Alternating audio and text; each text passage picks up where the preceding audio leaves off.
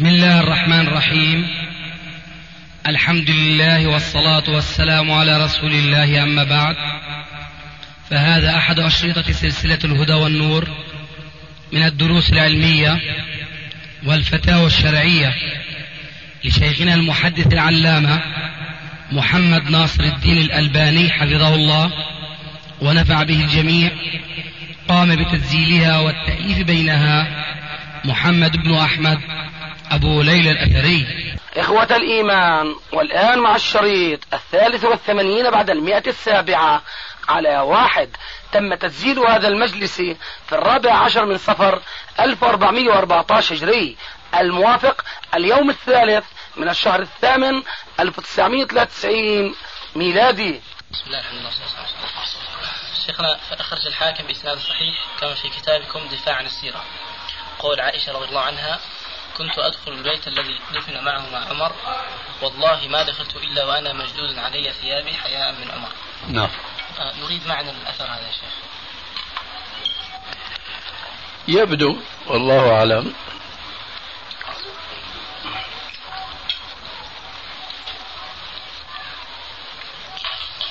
أن آه، السيدة عائشة رضي الله تعالى عنها آه، تؤمن بأن لبعض الخاصة من المسلمين حياة خاصة بهم في البرزخ.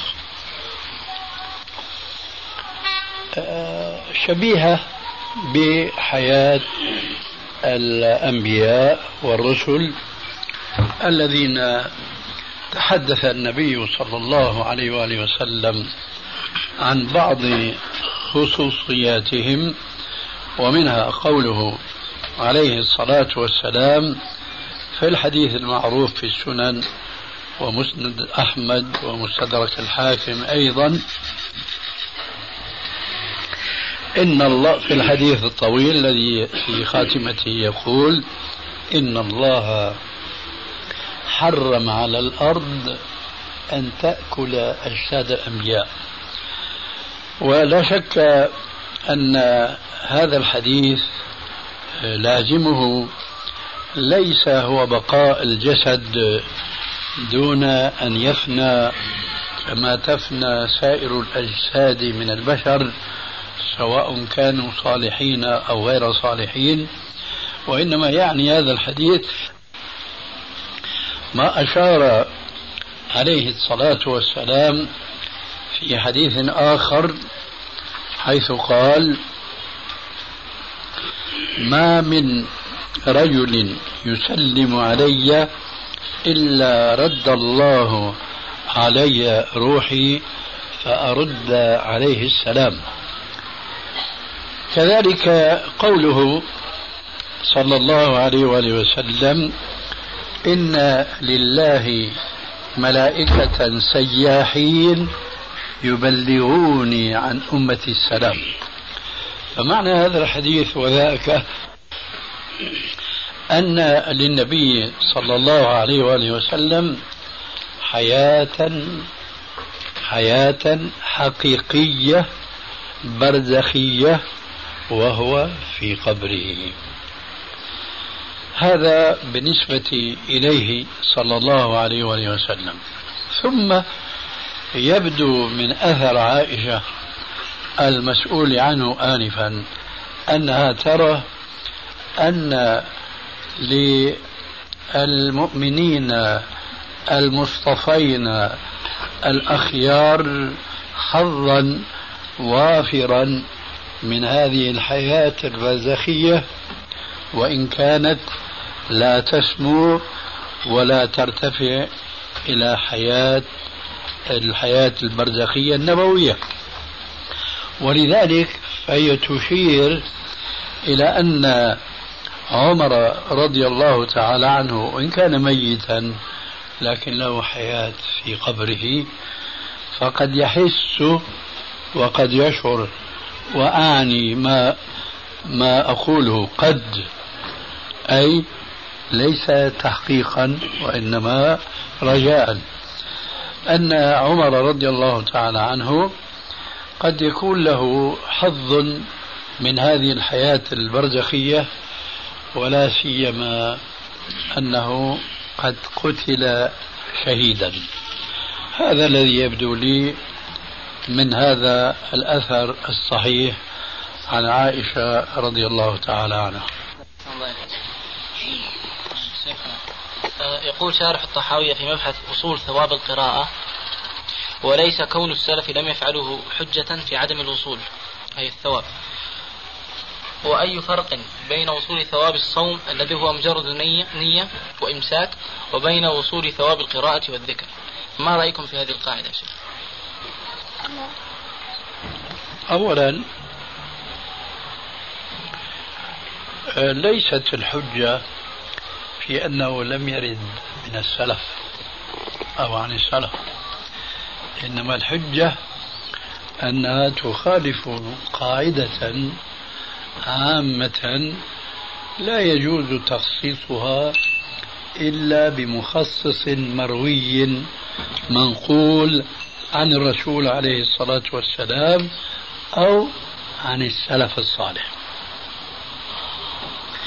القاعدة هي معروفة لدى الجميع وهي قوله تعالى أم لم ينبأ بما في صحف موسى وإبراهيم الذي وفى ألا تزر وازرة وزر أخرى وأن ليس للإنسان إلا ما سعى.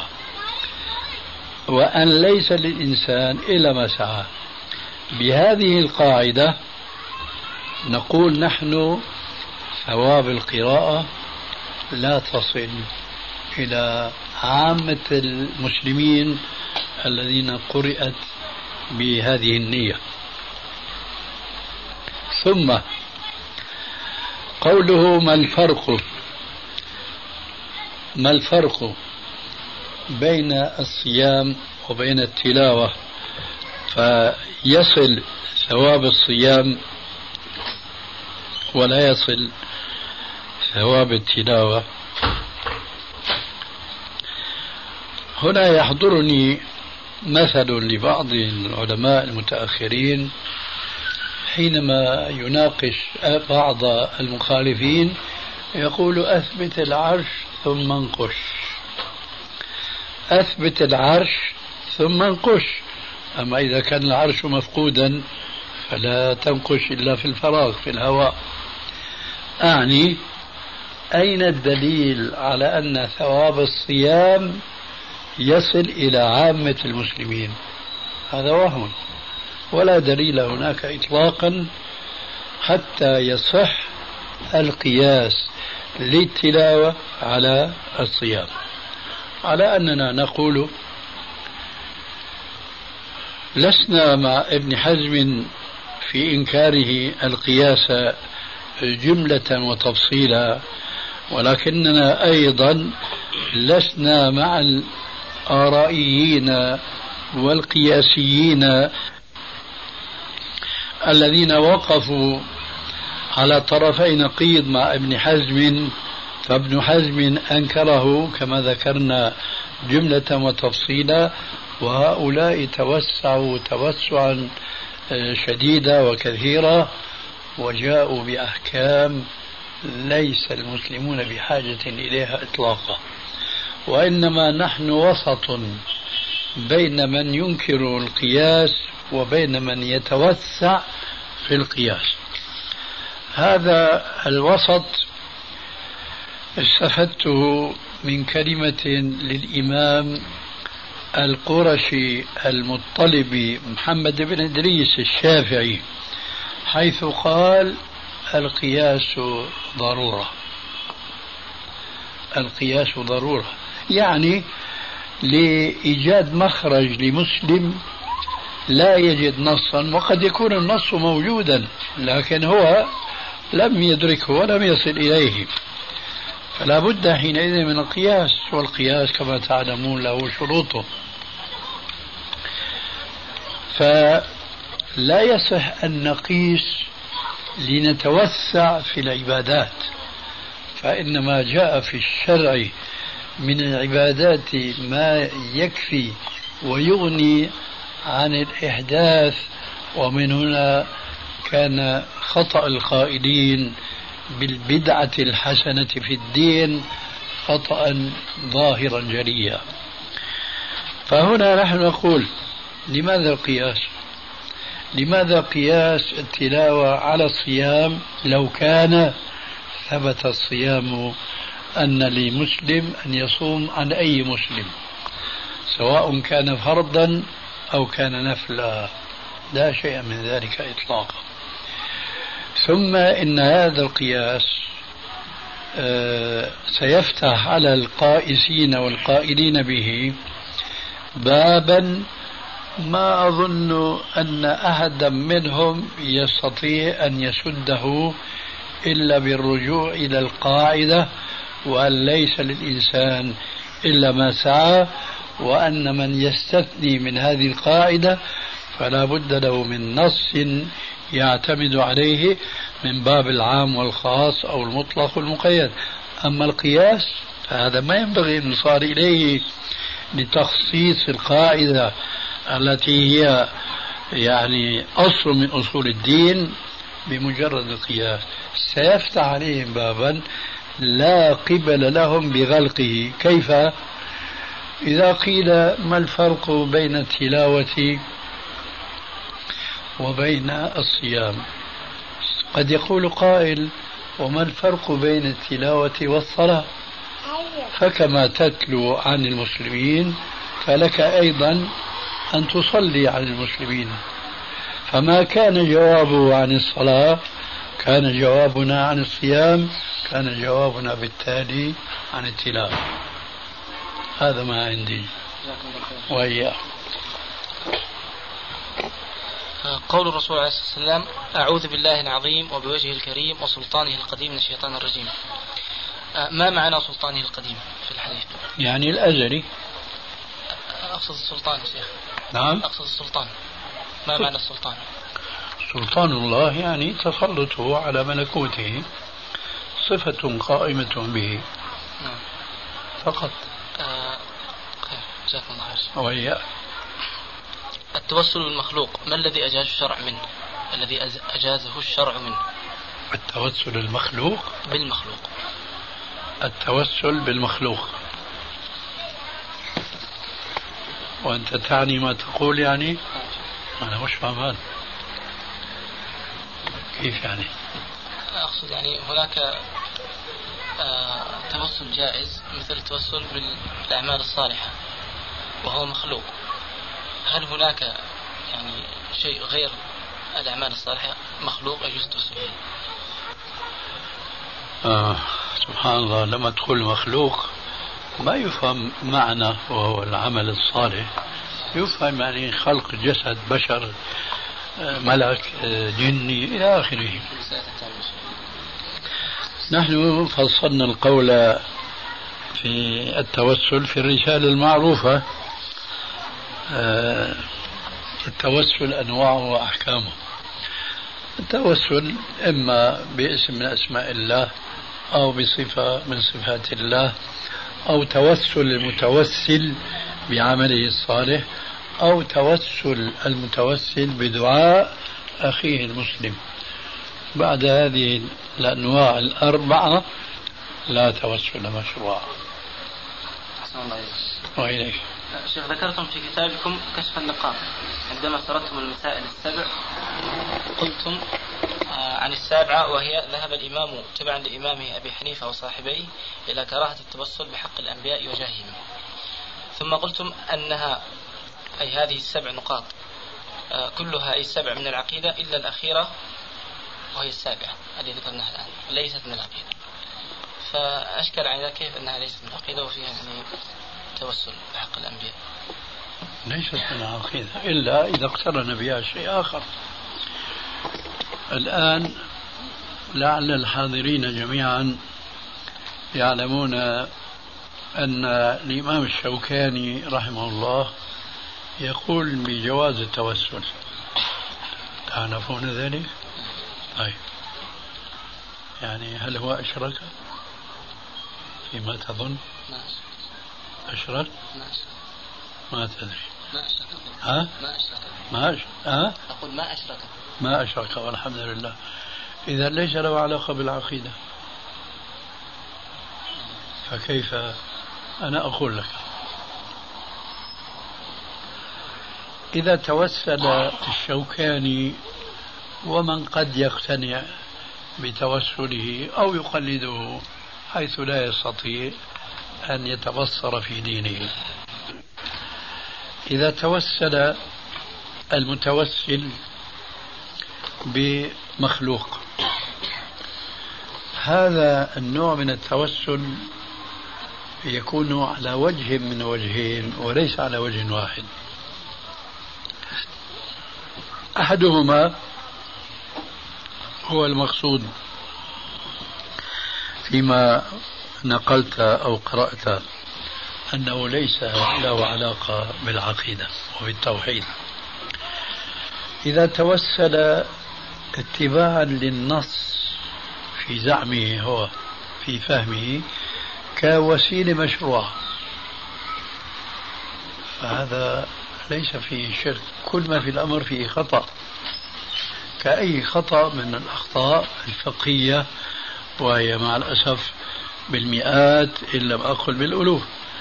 فأي خطأ في الفقه يقع من أي عالم سواء كان مجتهدا أو كان متبعا لا ليس له علاقة بداهة بالشرك أو بما ينافي التوحيد. لكن إذا اعتقد أن توسله وهذا يقع فيه كثير من الخلف الجاهل إذا اعتقد أن توسله بفلان له تأثير على الله عز وجل هنا انتقل التوسل من فرع إلى أصل واضح؟ هذا وإياك آه. شيخ متى يكون قول الصحابي أو فعل الصحابي حجة؟ آه، اعتقادي أن فعل الصحابي إذا لم يخالفه أحد من الصحابة ومن باب أولى لم يخالفه نص من كتاب أو سنة فينبغي لا أقول حجة ينبغي عدم مخالفته من باب أنه أفقه وأعلم من الذين جاءوا من بعده. أما الحجة فلا يكتفى بالشخص الواحد وإنما كما قلنا آنفا إذا جرى عمل السلف على شيء فهو حجة. أما شخص واحد فلا يكون حجة. وإنما آه، آه، نحبذ بل ونأمر أن لا يتجرأ المسلم على مخالفة صحابي واحد فيما ذهب إليه إلا أن يكون عنده دليل من الكتاب أو من السنة أو عنده أقوال عن بعض الصحابة الآخرين تخالفه. فحينئذ يرد هنا قول أبي, أبي حنيفة رحمه الله نحن رجال هم رجال ونحن رجال. هذا يصح فيما إذا اختلف الأصحاب. أما إذا لم يكن اختلاف فإذا لم يكن اختلاف هذا يحتاج إلى تفسير.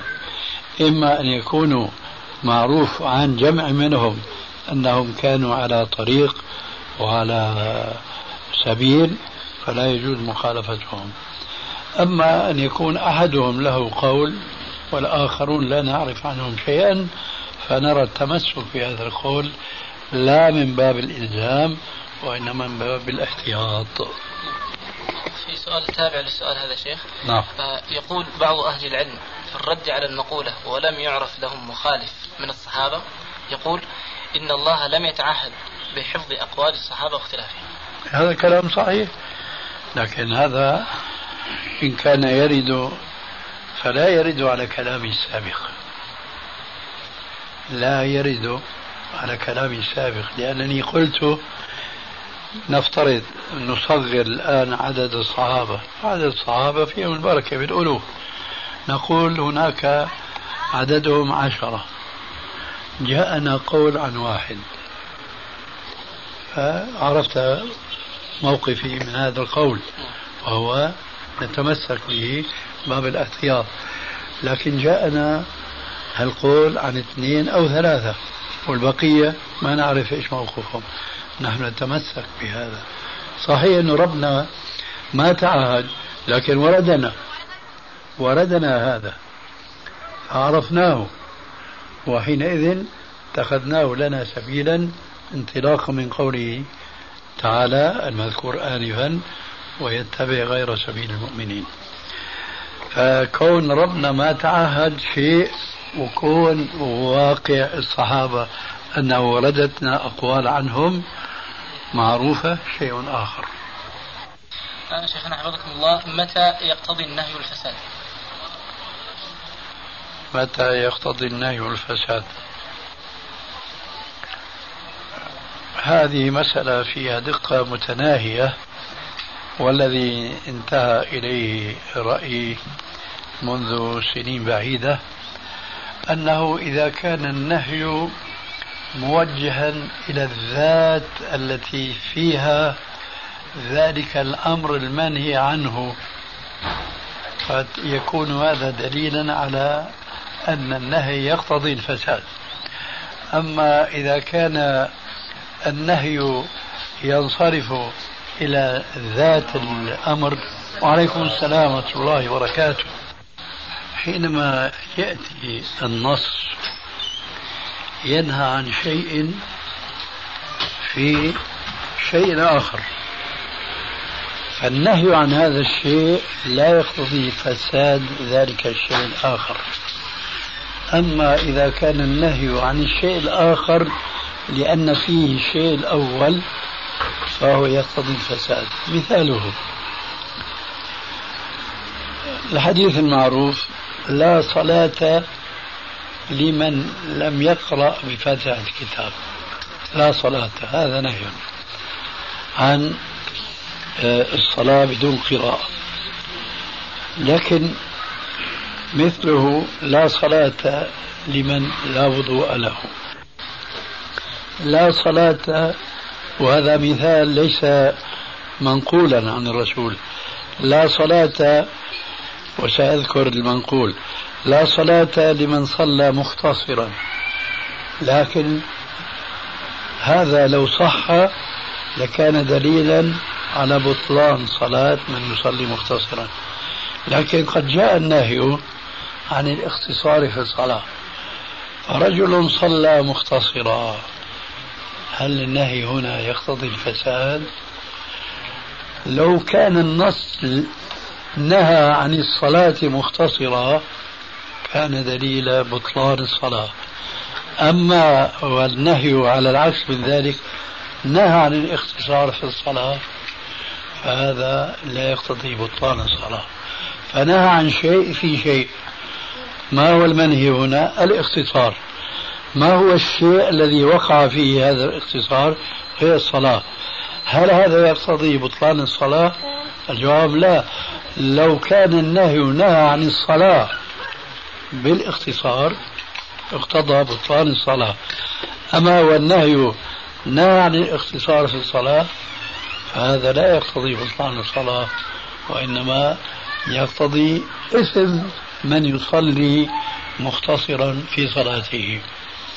ومن هنا نتوصل إلى فهم كثير من المسائل الفرعية بناء على هذه القاعدة الأصولية أنه ليس مجرد النهي يقتضي فساد ما وقع فيه النهي وإنما ما وقع فيه النهي إن نهي عنه لما سيقع فيه من النهي يكون النهي مقتضيا للفساد. من هنا نتوصل إلى الصلاة مثلا في الأرض المغصوبة. هل الصلاة في الأرض المغصوبة آه، يعني يقتضي البطلان والفساد. أولا لا يوجد عندنا نص ينهى عن الصلاة في الأرض المغصوبة لكن هذا فرع فقهي عولج في المذاهب وذهب بعضها إلى بطلان الصلاة. لكن الذين يذهبون إلى البطلان ليس عندهم سوى أنه صلى في الأرض في أرض مغتصبة أو مغصوبة. الغصب منهي عنه لذاته سواء كان للسكن أو للصلاة. فلم يكن النهي عن الصلاة أي ذاتها وإنما كان النهي عما قد عرض لها من الغصب فإذا هذا يقتضي إثم من صلى في الأرض المغصوبة ولا يقتضي بطلان هذه الصلاة التي وقعت في الأرض المغصوبة. هذا يعني ما يتبين لي جوابا عن ذاك السؤال. ما هو حكم بيع المفلس في دينه؟ وهل هو منسوخ وما دليل؟ المسلم هل هو منسوخ؟ إيش منسوخ؟ حكم بيع المفلس في دينه المفلس. منسوخ يعني ما ماني فاهم كيف. يعني هل هذا الحكم هو جواز بيع المفلس في دينه؟ هذا الحكم. هل يسر؟ آه بيع المفلس. الشخص يعني. أي نعم أي نعم. أنت تشير بسؤالك إلى حديث معاذ يعني آه نعم اللي هو الرجل إذا أسرق الحقيقة ما عندي جواب علمي الآن على حسب ما جرينا عليه من الإيضاح والبيان لأنه المعلوم عند الفقهاء أنه لا يباع المفلس لكن كجواب علمي لما يحضرني الآن.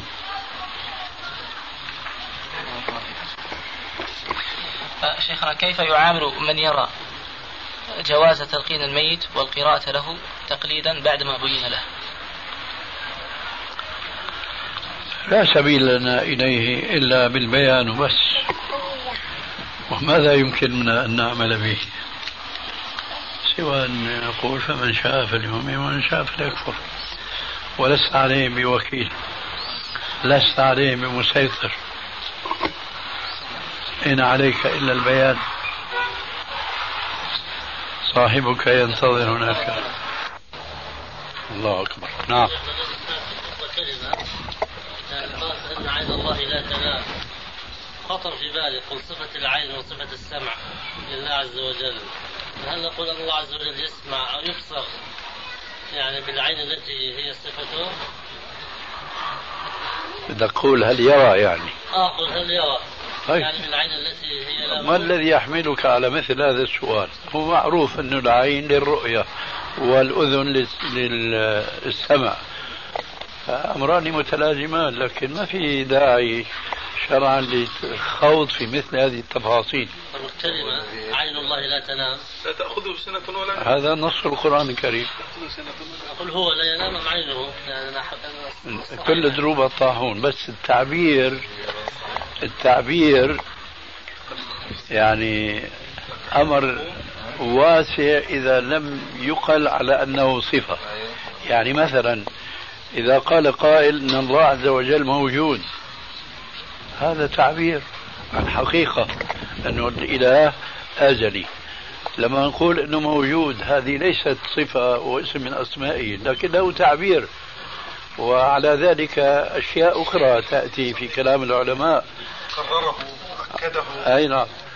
فهذا من هذا القبيل تماما لكن ما نستعمل نحن هذا التعبير؟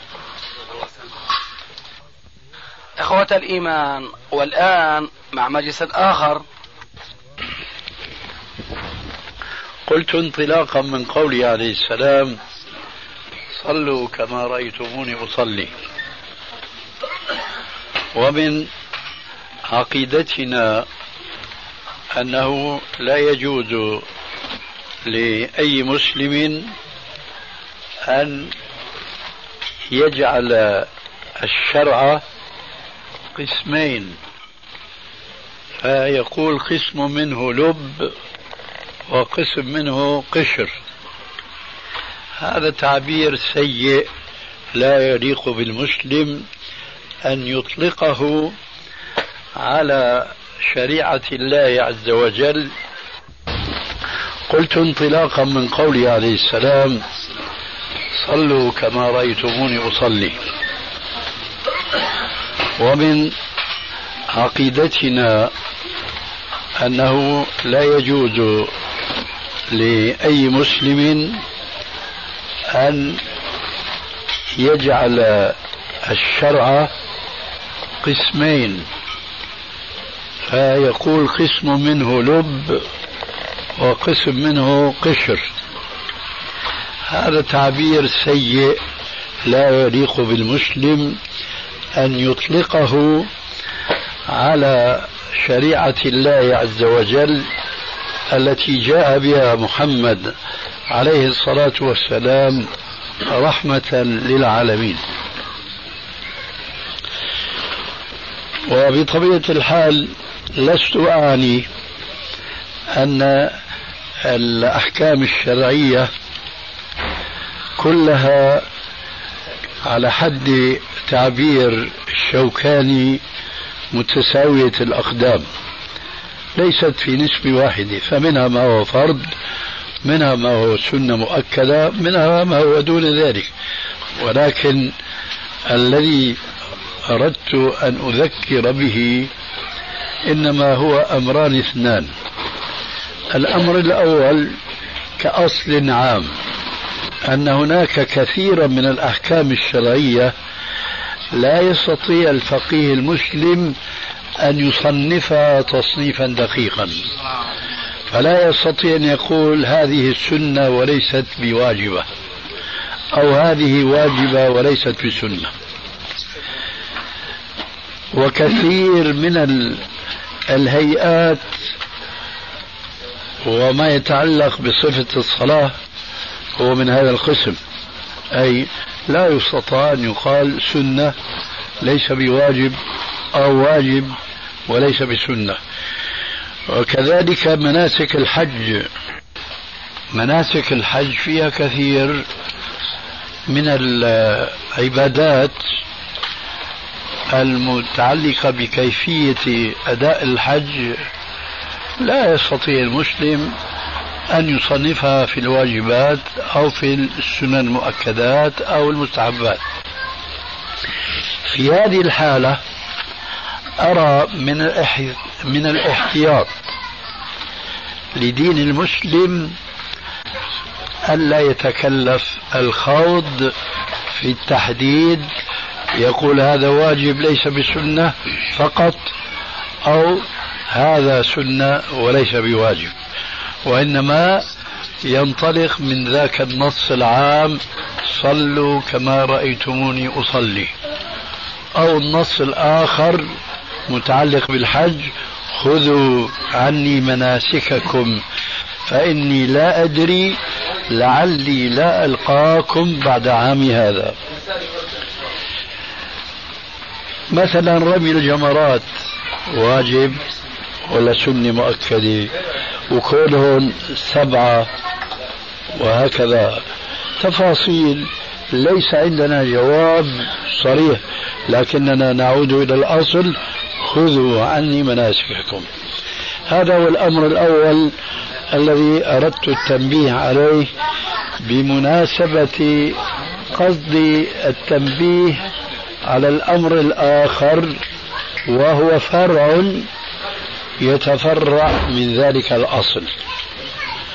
إنني أرى بعض إخواننا من أهل السنة وأتباع السلف الصالح حينما يشيرون بإصبعهم في الصلاة إنما يشيرون بها كأنهم يشيرون على استحياء.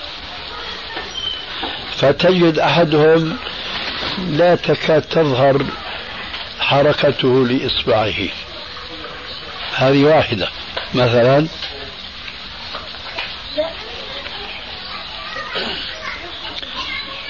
لا أعلن بالسنة على الأقل ولا أتورط فأخالف الأصل فأقول سنة. لا الله أعلم. هو داخل في عموم قول عليه السلام صلوا كما رأيتم نصلي. هذه واحدة. تحريكه ميتة. لا تظهر هذه الحركة للرأي ولو كان رأيا من قرب. الشيء الآخر وهذا أهم من الأول قد يكون وأعني ما أقول أيضا حينما أقول قد ولا أقصد القد قد التي يلجأ إليها كثير من الناس حين المناقشة. هناك سنن فيما يتعلق بالإشارة بالإصبع في التشهد أول ذلك توجيهها إلى القبلة. ليس الضرب بها إلى الأرض. هكذا يفعل الناس اليوم هكذا. بعضهم يفعل هكذا. لا السنة أن توجهها إلى القبلة. بعضهم شيخنا وهذا هذا. هذا أحلى ولا أعبث؟ بعضهم هيك شيخنا بيعمل. ما لنا في هذا. المهم آه فالسنة حينما تضع يدك اليمنى على ركبتك اليمنى أن تقبض أصابعك وترفع المسبحة التي تعرف بالسبابة. توجهها تنصبها نصبا إلى القبلة لأنك أنت متوجه بكليتك إلى القبلة ومن ذلك يداك. حتى حينما تنصب قدمك توجه أصابع قدمك اليمنى أيضا إلى القبلة.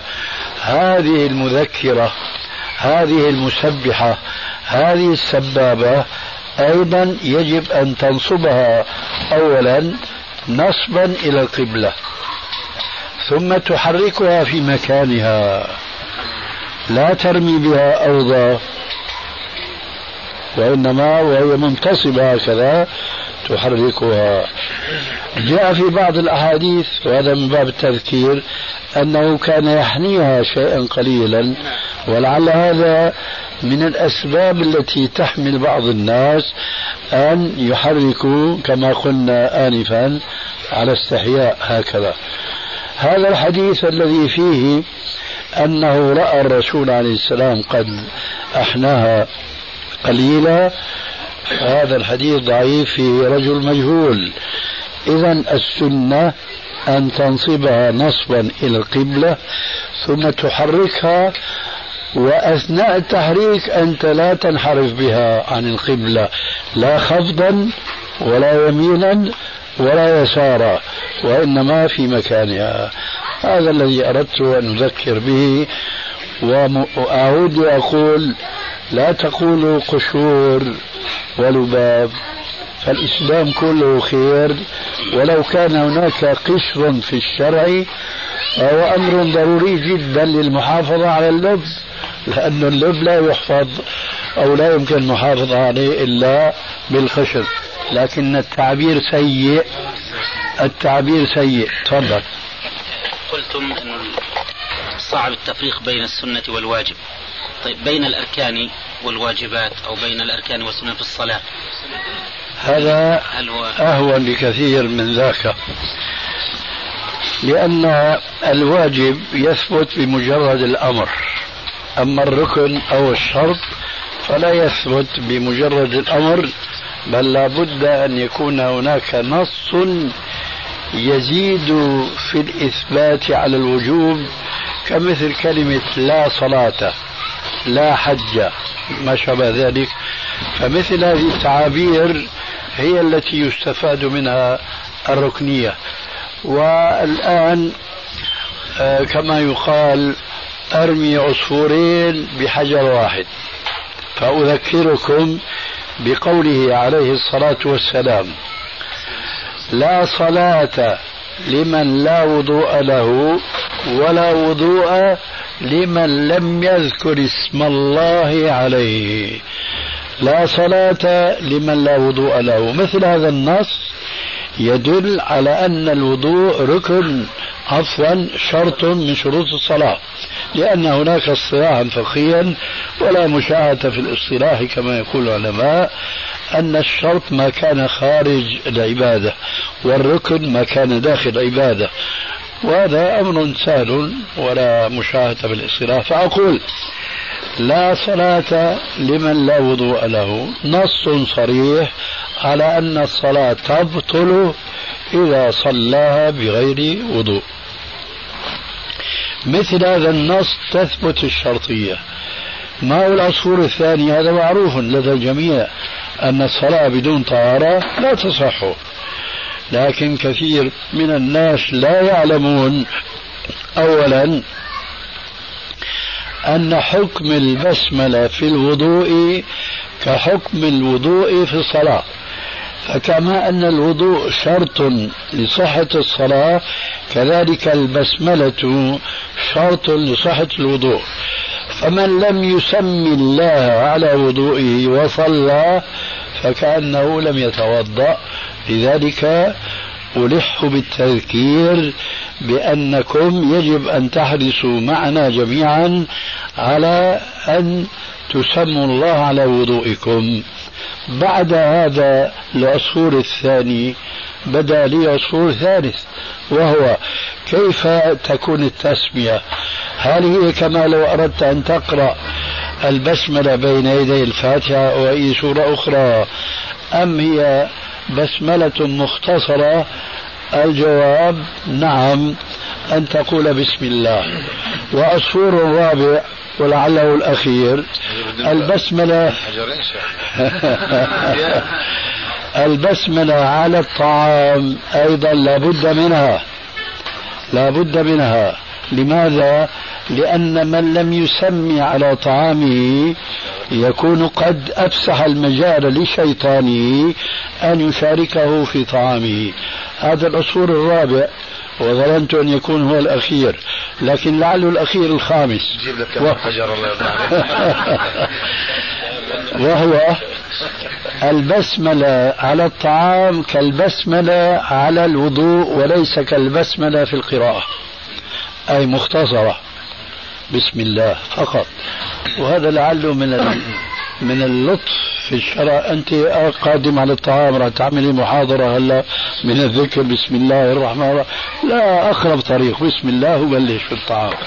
يكفي يا أستاذ. الثالث هات نشوف. وهو أن العبادات شيخنا يعني إذا كانت تجمعها حكمة واحدة فهي أيضا هذه الحكمة الواحدة تجعل اللفظ الذي يبدأ به هذه العبادة واحدا. فهي نعم. سبحانه وتعالى. يلا تفضلوا بدنا نمشي يا جماعة. تفضلوا. اشتهر بعض العامة أنه يجوز للإنسان أن يوصي ولو لبعض الورثة.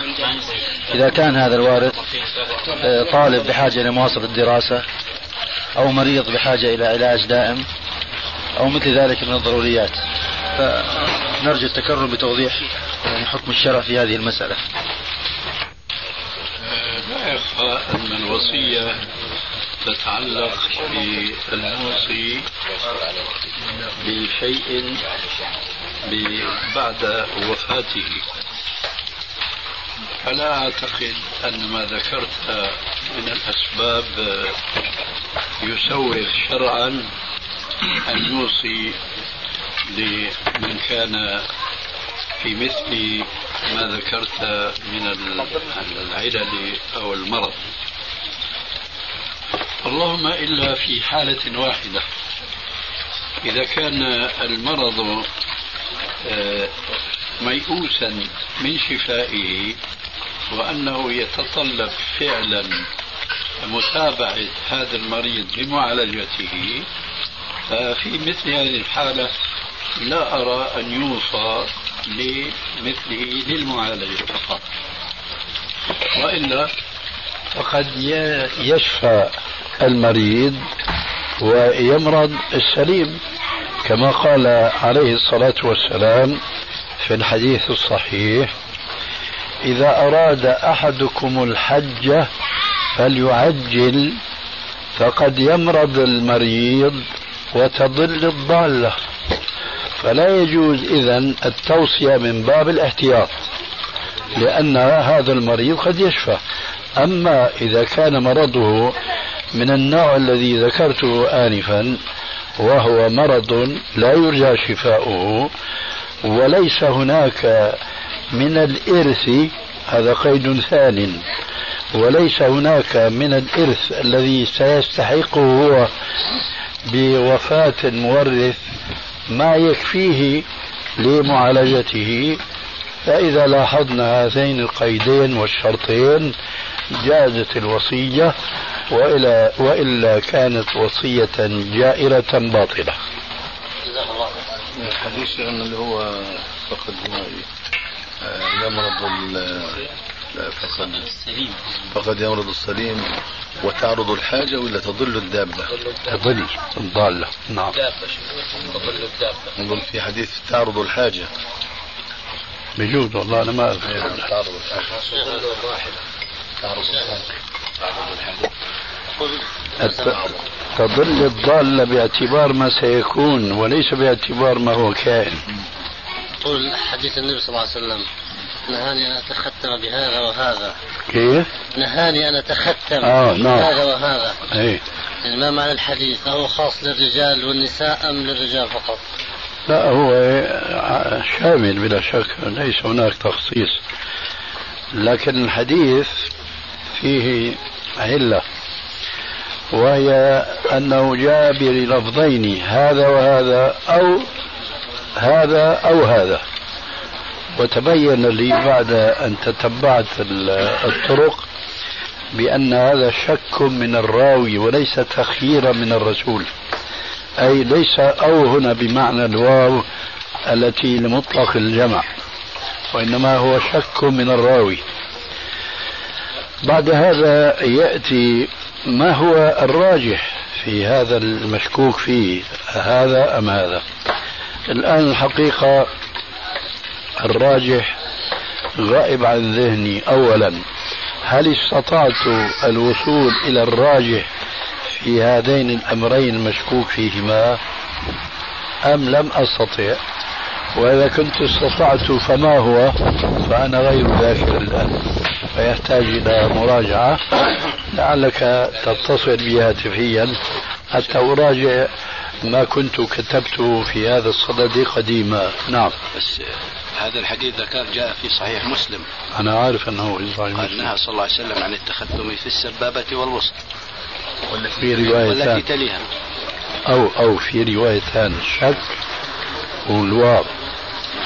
فهما واحدة من الاثنتين عند النساء مشهور بهذه هذا شامل للقدم كيف؟ شامل للقدم؟ للقدم؟ نعم. لا. وهل يختم القدم؟ نعم عند النساء. عند النساء؟ نعم. نحن نتكلم فيما هو معهود يعني معروف. ورد عن عائشة شيخ. كمان لا ورد لما عند تفسير قوله تبارك وتعالى إلا ما ظهر منها قالت وفتخت القدم. فبينها تحت في الحاشية. هي خواتيم كانت تلبس في أصابع القدم. من اللي بينها؟ عائشة. لا الذي قال يعني في الهامش. هي معروف الفتخ قال عنها. الفتخ خواتيم تلبس في أصابع القدم.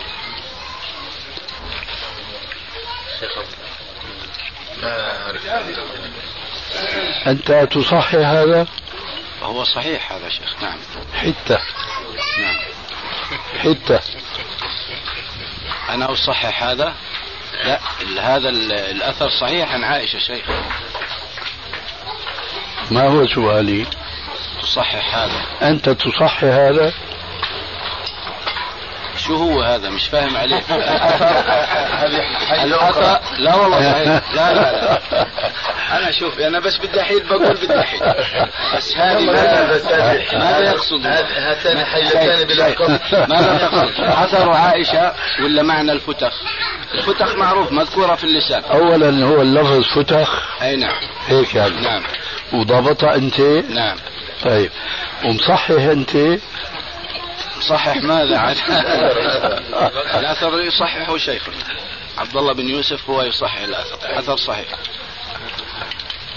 لأنه أحد إخواننا طالب علم. يعرف هو لو يوضع الخاتم في الاصبع.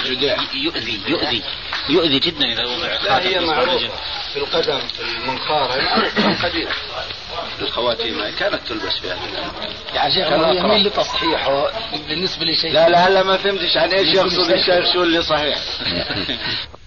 سمعنا أكثر من مرة بالسعودية إنه لما بصير بعض الإعدامات عندهم بيفصلوا الرأس عن الجسم. إيش رأي الشرع بهالحكي هذا يا سيدي؟